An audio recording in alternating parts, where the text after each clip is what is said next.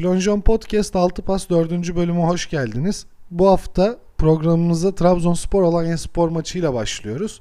Trabzonspor ilk yarıda 4 gol atmayı başardı. Biz de bu maçla başlıyoruz. Ahmet Yılmaz'la birlikteyiz. Evet Ahmet abi Trabzonspor Alanya Spor maçı hakkında değerlendirmelerini alalım. Evet Trabzonspor Alanya Spor maçı tamamen Trabzonspor'un müthiş sezonun gösteri maçı gibiydi. Trabzonspor biliyorsun bundan önceki maçlarda biraz futbol olarak kamuoyunda beklenilen tatmin noktasına ulaşamıyordu. Yani futbolu beğenilmiyordu. Trabzonlu taraftarlar da ben mesela iletişim halinde olduğum taraftarlar da aslında futbolu beğenmiyorlardı ama sonuç odaklı gidildiği için bu sene özellikle şampiyonluğun hatırına seslerini de çıkarmıyorlardı. Ama Alanya Spor maçında hatta geçen hafta Konya Spor maçının da belli bir bölümünde ve bu hafta Alanya Spor'un özellikle ilk 40 dakikada Trabzonspor tamamen resital sundu. Şimdi ben maça geçmeden önce şunu söylemek istiyorum. Şimdi mesela maç başlarken biliyorsun yayıncı kuruluşta teknik adamlarla röportajlar yapılıyor ve hani rakiple alakalı analizleri, neler yaptıklarını, çalışmalarıyla ilgili ufak tefek söylemlerde bulunuyor antrenörler. Ben şimdi Alanya Spor'un mesela teknik adamının maç öncesi yaptığı analizleri çok merak ediyorum. Şimdi Trabzonspor artık çok gösterişli ve çok görkemli. Ben mesela Trabzonspor'u bu Marvel'in şeyi var. Yenilmezler, Avengers filmleri var biliyorsun. Karakterleri var. Biraz ona benzetiyorum. Şimdi mesela Trabzonspor'a forvete bakıyorsun Cornelius. Cornelius'u önlem aldın. E, sağda Visca var. Visca'yı önlem aldın. Solda Vakayeme. Vakayeme önlem alıyorsun. Orta sahadan Bakasetas çıkıyor. E, biraz daha geri geliyorsun. Hücum yapayım diyorsun. Siopis, Dorukan. Abi hepsini geçiyorsun. Kalede Uğurcan var. Uğurcan hangi Avengers karakteri abi? Kaptan Amerika. Uğurcan müthiş bir karakter. Mesela yani Trabzonspor gerçekten çok ileri bir takım oldu ligde ve müthiş bir karakter koyuyorlar ortaya. Şimdi Trabzonspor özellikle geçen hafta Konya Spor maçının sonunda ben Abdullah Avcı'nın vücut dilinden de bunu biraz aldım. Burada müthiş bir rahatlama hissetmiştim ben Abdullah Avcı'da ve bu haftada sahaya müthiş rahatlamış, kendinden emin, ligi domine etmiş bir takım görüntüsünde çıktı Trabzonspor ve birçok e, aslında taraftarın, birçok futbol severin yani ben mesela şimdi birçok futbol izleyen taraftarın önüne Trabzonspor, Alanya Spor'un daha önce yapmış olduğum maçların istatistiklerini getirelim.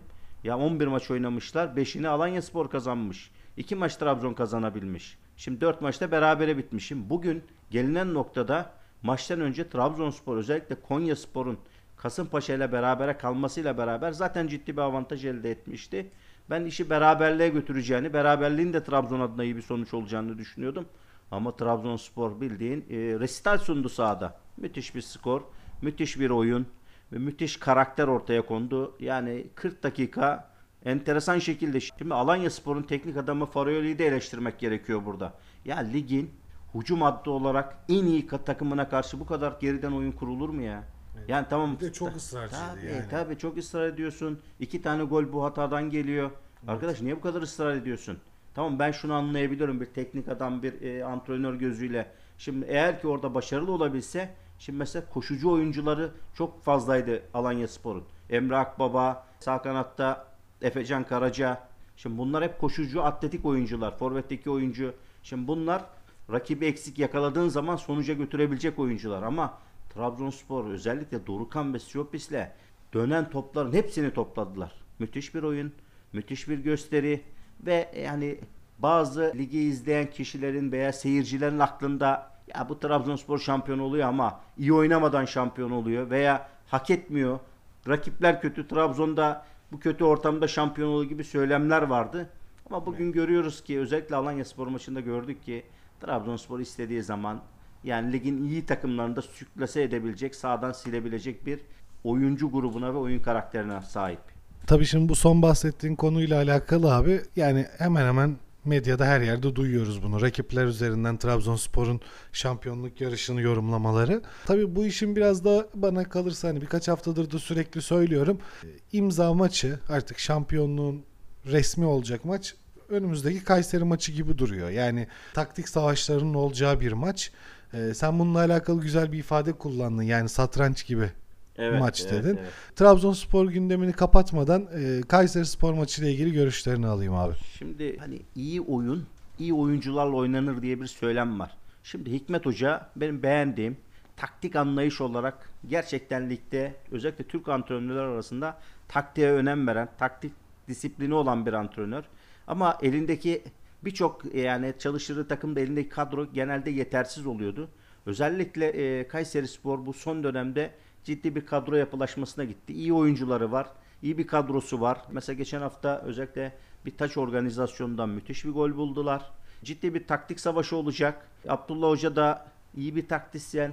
Rakiplerin özellikle eksik noktalarını çok iyi analiz edebilen ve buranın üzerine ciddi çalışmalar yapan bir antrenör. Valla iyi bir maç bizi bekliyor. Trabzonspor çok istim üstünde. Kayseri Spor'da aslında rahatladı. Küme düşme potasından da tamamen uzaklaştı. Ciddi bir puana sahip. Ben iyi bir maç olacağını düşünüyorum. E, hak edenin kazanmasını temenni ediyorum. Trabzonspor değerlendirmelerinden sonra Fenerbahçe Hatay Spor maçını konuşacağız. Ancak tabii maçın önüne geçen bir olay var. Abi hatırlıyorsun ilk 11'ler bir yayınlandı. Bek'te Çağatay, ortada Arda'yı gördük. Çok enteresandı. Biri 16, biri 19 yaşında oyuncular.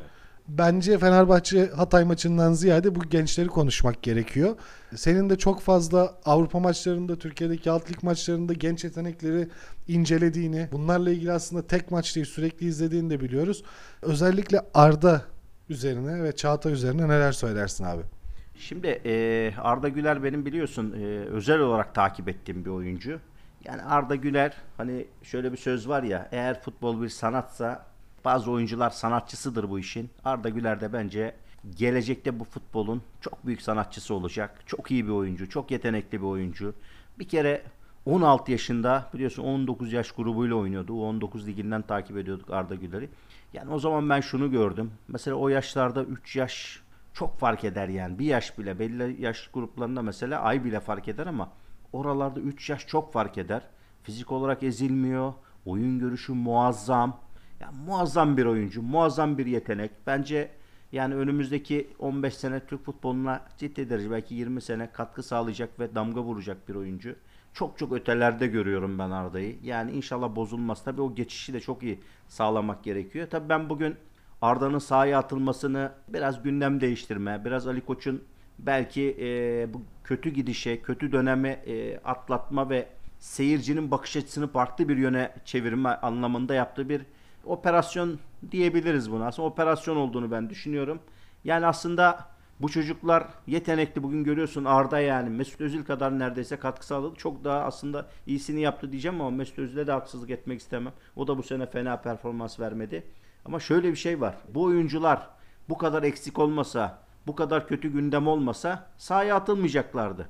Ya arkadaşlar atın bu oyuncular. Yani Arda Güler eğer ki beklediğimiz tarzda, beklediğimin altında bile bir oyuncu çıksa bugün Fenerbahçe'ye 5 yıl 6 yıl hizmet edip oyuncuyu satacak olsan 22 yaşında satmış olacaksın ve en az 15-20 milyona satar Fenerbahçe bu oyuncuyu. Keza Çağatay. Şimdi e, oyun içinde bakıyorum mücadeleci, istekli, hevesli ama şöyle eksik noktaları çok. Yani mesela şimdi bir Arda Güler güzellemesi Çağatay'da yapamayacağız. İnşallah o da ileride kendini geliştirir. Mesela iki önemli pas hatası top kaybı yaptı. Ve kaleci Altay e, ciddi derecede pozisyonları kurtardı. Bu hafta Altay da gerçekten çok iyi pozisyonlar çıkardı. Onu da tebrik etmek gerekiyor. Sakatlıktan iyi döndü. Ya bu bu çocuklar oynaya oynaya, genç oyuncular oynaya oynaya. Trabzonspor'da Ahmet Can da bu hafta mesela penaltı yaptırdı. Ben Ozan Kabak'ı hatırlıyorum. İlk çıktı 10 maçta neredeyse 4 tane penaltı yaptırmıştı. Ya bu oyuncular tecrübe ede ede, kazana kazana, kaybede kaybede hata yapa yapa gelişecekler. İnşallah o da katkı sağlayacaktır uzun vadede Fenerbahçe'ye. Haftanın diğer maçlarında Konya Spor Kasımpaşa ile 4-4 berabere kaldı. Biz bunun tabi puan kaybı kısmına odaklanacağız. Çünkü geçen haftaki yayında abi sen Trabzonspor mağlubiyeti sonrası Konya'nın puan kaybedeceğini, psikolojik olarak da çok etkilendikleri kısmına değinmiştin. Şimdi hem Konya Spor hem de çok iyi giden Adana Demirspor hakkında onlar da 3-0 Gaziantep'i evet. yendiler biliyorsun. Bu takımlar hakkında yorumlarını alalım. Evet Konya Spor'la ilgili ben geçen hafta da tahminde bulunmuştum. Ve ya uzun vadede de Konya Spor'un zaten bu puanı almış olması bile bence çok büyük başarı. Bununla bile övünebileceklerini düşünüyorum. İyi bir maç oldu. 4-4'lük bir maç oldu aslında. Son dakika penaltıyla beraber bitti maç.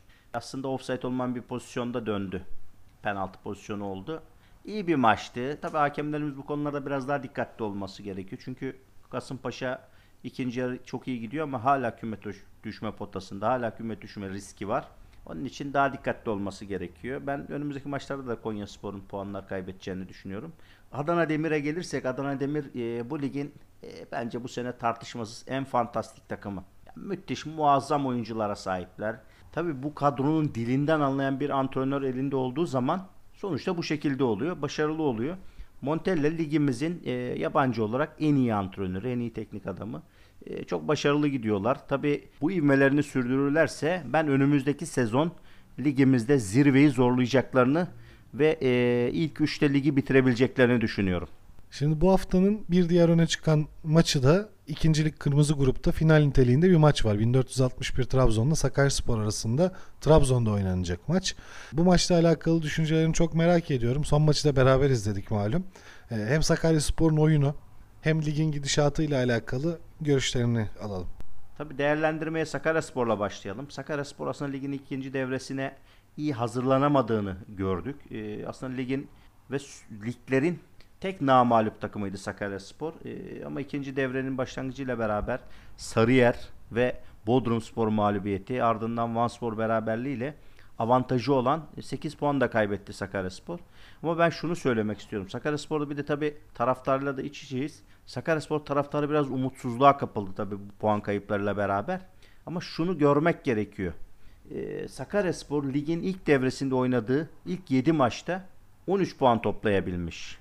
Bu dönemde oynadığı ilk 7 maçta yani birer maçı eksik bir maçı eksik 10 puan almış. Yani içeride oynayacak Çorum maçını kazanabilirse Sakaryaspor ilk devrede kazandığı puan aynısını toplamış olacak. Bir de şunu söylemek lazım. Lig uzun bir maraton ve Sakaryaspor'u değerlendirirken yani anlık sonuçlarla değil de daha sezonluk bakmak gerekiyor. Şimdi mesela Sakaryaspor ikinci devrede mesela başladı ikinci devre başladığından beri oynadığı maçlara ben bakıyorum. Bir de 1461 Trabzon'un oynadığı maçlara bakıyorum. Sakaryaspor ilk onda olan 5 takımla maç yapmış. 1461 ilk onda sadece ilk onda olan şu an bir takımla Afyonspor'la maç yapmış. O da ciddi düşüşte olan bir takım. Şimdi Sakaryaspor bugün belki avantajını kaybetmiş gibi gözüküyor. 1461'de istim üstünde gibi gözüküyor. Fakat 1461'in oynadığı nispeten daha kolay rakipler. Sakaryaspor aslında bu 1461 ile oynayacağım maçı kaybetmediği sürece bence ciddi derecede ligin şampiyonluğu göğüsleyeceğini düşünüyorum. Ciddi avantajı olduğunu düşünüyorum. İşte 1461 penceresinden bakacak olursak özellikle Yusuf Şimşek'le beraber ciddi bir hava yakaladılar ve Trabzonspor'un e, yani artıkları demeyeyim de Trabzonspor'un e, değerlendirmediği ve farklı takımlara kiraladığı oyuncular başarılı olan olamayan birçok oyuncuyu tekrar topladı 1461 bünyesine kattı.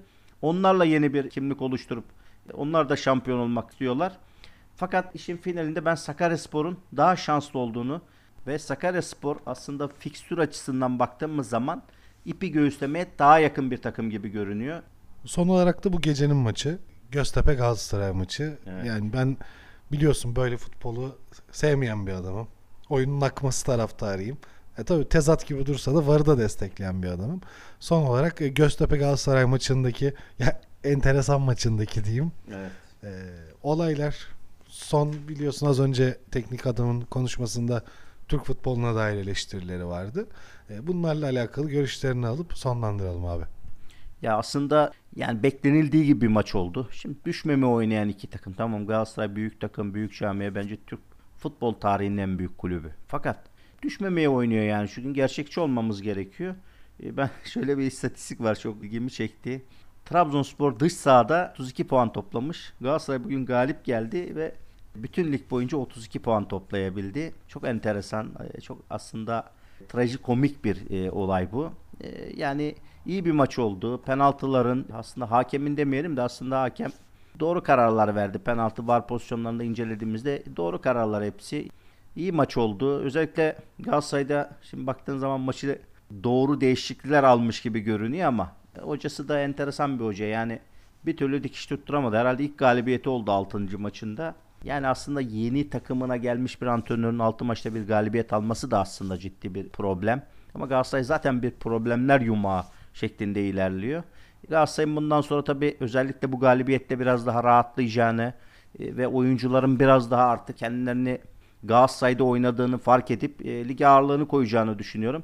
Yani Galatasaray bu olamaz yani. Galatasaray bugün burada olmaması gerekiyor. Neredeyse ligin bitmesine 12 hafta var. Galatasaray e, şam, matematiksel olarak şampiyon olma ihtimali kalmamış neredeyse. Yani iki hafta sonra o da olmayacak gibi görünüyor. E, inşallah toparlar ve tekrar yani bildiğimiz daha önce başarılarıyla övündüğümüz bir Galatasaray ortaya çıkar.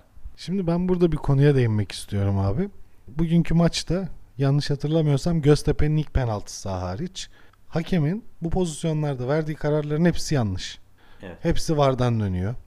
Şimdi eğer ki bu VAR olmasaydı bu Arda kardeşler bu maçtan sonra ne yapacaktı çok merak ediyorum. Şimdi senin elinde de bir istatistik var. Sen iyi bir arşiv taraması da yaptın. Özellikle Trabzonspor odaklı baktın abi. İşte VAR'dan sonra VAR'dan önce Evet. şeklinde. Ya tam akan oyunu bozuyor. Bir yandan da hakemlerin çok kötü bir profil çizmesini sağlıyor. Yani bu futbolu kesinlikle etkiliyor. Ben bunu destekliyorum ama yani abi 115 dakikada 110 küs- Evet. da 115 oldu ya. Bu kadar da top oynanmaz. Yine Konya Spor maçında 90 artı 10'da. Evet. evet. Yani e, bu konularla ilgili e, söyleyeceklerini dinlemek isterim. Ya şöyle eee, bizim ligimizde yani her şey yavaş. Ligimizde çok yavaş oynanıyor. Kamera karşısındaki hakemlerimiz de karar verirken yavaş aksiyon alıyorlar. Sağ içindeki hakemimiz de yavaş aksiyon, ağır, ağır aksak aksiyonlar alınıyor. Yani arkadaş şimdi İngiltere Ligi'ni izliyoruz. Tamam hani İngiltere bu işin en uç örneği belki ama ya, yani belki 30 saniyede kararlar alınabiliyor. Ya bizim ligimizde maalesef VAR'ı e, yani hunharca kullanıyoruz. Tamam hani var bence ben de mesela çok destekliyorum. Çünkü var geldikten sonra e, aslında bazı takımlarımızın veya bazı efsanelerin olmadığını ben düşünüyorum. Mesela Fenerbahçe 20 yıl boyunca işte atıyorum Trabzonspor'a yenilmemiş. İşte 15 yıl boyunca kendi evinde. 15 yıl boyunca kendi evinde Galatasaray'a yenilmemiş. İşte 10 yıl boyunca Beşiktaş'a yenilmemiş gibi çeşitli istatistiklere sahipti. Şimdi bu son 3-4 yılda var geldikten sonra bakıyoruz ki bütün efsaneler yalan oldu. Yani efsane yokmuş aslında. Şimdi onun için varı ben ciddi destekliyorum. Yani hakkın, adaletin veya işte hak edenin kazanması gerektiğini ben düşünüyorum. Ama maalesef şöyle de bir problem var. Yani biz önceden şunu düşünüyorduk. Yani acaba diyorduk ki hakemler gerçekten yeteneksiz mi? Bunu göremiyorlar mı? Ama bugün bazı hakemler göz göre göre yani yani VAR'a gidip de yanlış karar veren bir sürü Ümit Öztürkleri falan biliyoruz yani. Bir sürü yanlış karar veren maalesef hakemlerimiz de var. Ya inşallah düzeleceğiz yani. Hani bir e, şeyin sözüyle bitireyim. Fenomen mi deniyor ona yoksa meczup mu deniyor artık bilmiyorum da. Hani düzeleceğiz inşallah deyip böyle bitireyim. Yani ben de son olarak bu VAR olayıyla ilgili şunu söyleyeceğim. Ee, sanırım Galatasaray'ın bu ikinci penaltısında Halil'in düşürüldüğü var ya. Evet. e, yani Göztepe atağa gidiyor. VAR'dan haber gelmiyor kaç dakika. Haber geliyor. VAR bir inceliyor. Hakemi çağırıyorlar. Hakem gidiyor inceliyor. Hakem kameranın başında kafasında 20 tane işte taraftar işte Emre, Emre düşürdü. tek teknik teknik kadrodan insanlar e, ve 2-3 dakika çıkıyor. Şimdi artı 9 verildi. Evet. Bir dakika top oynandı artı 9 bitti neredeyse. Evet. Yani bu e, o kadar saçma bir yere gidiyor ki. Yani bu kadar uzun sürede karar alınması akan oyun kuralını bozuyor. Hal böyle olunca da bence buraya bir çeki düzen verilmesi gerektiğini düşünüyorum. Çünkü mesela yine İngiltere'de 39 saniye gibi bir ortalama var offside ile alakalı. Yine yeni bir teknoloji konuşuluyor, deneyecekler. Bir an önce Türkiye'de de böyle olması gerektiğine inanıyorum. Şey var ya eee, hani deveye mi sormuşlar şeyin boynunu boynun eğri o da demiş ya nerem doğru diye. Bizim ligde biraz öyle yani. E, yani neresi doğru şimdi takımlar da doğru yönetilmiyor. Federasyon da doğru yönetilmiyor. Yani yabancı sınırı saçma sapan şeyler var bu ülkede biliyorsun. E, yani onun için ya birçok şeyin düzelmesi lazım. Bu sadece futbolla da alakalı değil. Yani işin diğer boyutları da var ama buradan girersek herhalde bu muhabbet bitmez. Yani birçok şeyin düzelmesi lazım. Ee, inşallah da düzelir yani. Ben de öyle umut ediyorum. Tabii önce bizim kendimizi düzeltmemiz gerekiyor tabii. Öncelikle insan kendini düzeltecek. Sonra başkalarının tabii düzelmesini e, bekleyecek, temenni edecek. Biz önce kendimizi düzelteceğiz. Kapımızın önünü süpüreceğiz. Daha sonra da e, başkalarının düzelmesini bekleyeceğiz. Yani işte reform reform nereye kadar abi yani biraz da devrim gerekiyor bu meselelerde. Evet böylelikle dördüncü bölümün sonuna geldik. Dinleyen herkese çok teşekkür ederiz. Haftaya görüşmek dileğiyle. Çok keyifli oldu ya bu program. Ben de dinleyenlere selamlarımı, saygılarımı gönderiyorum. İnşallah haftaya tekrar görüşmek üzere.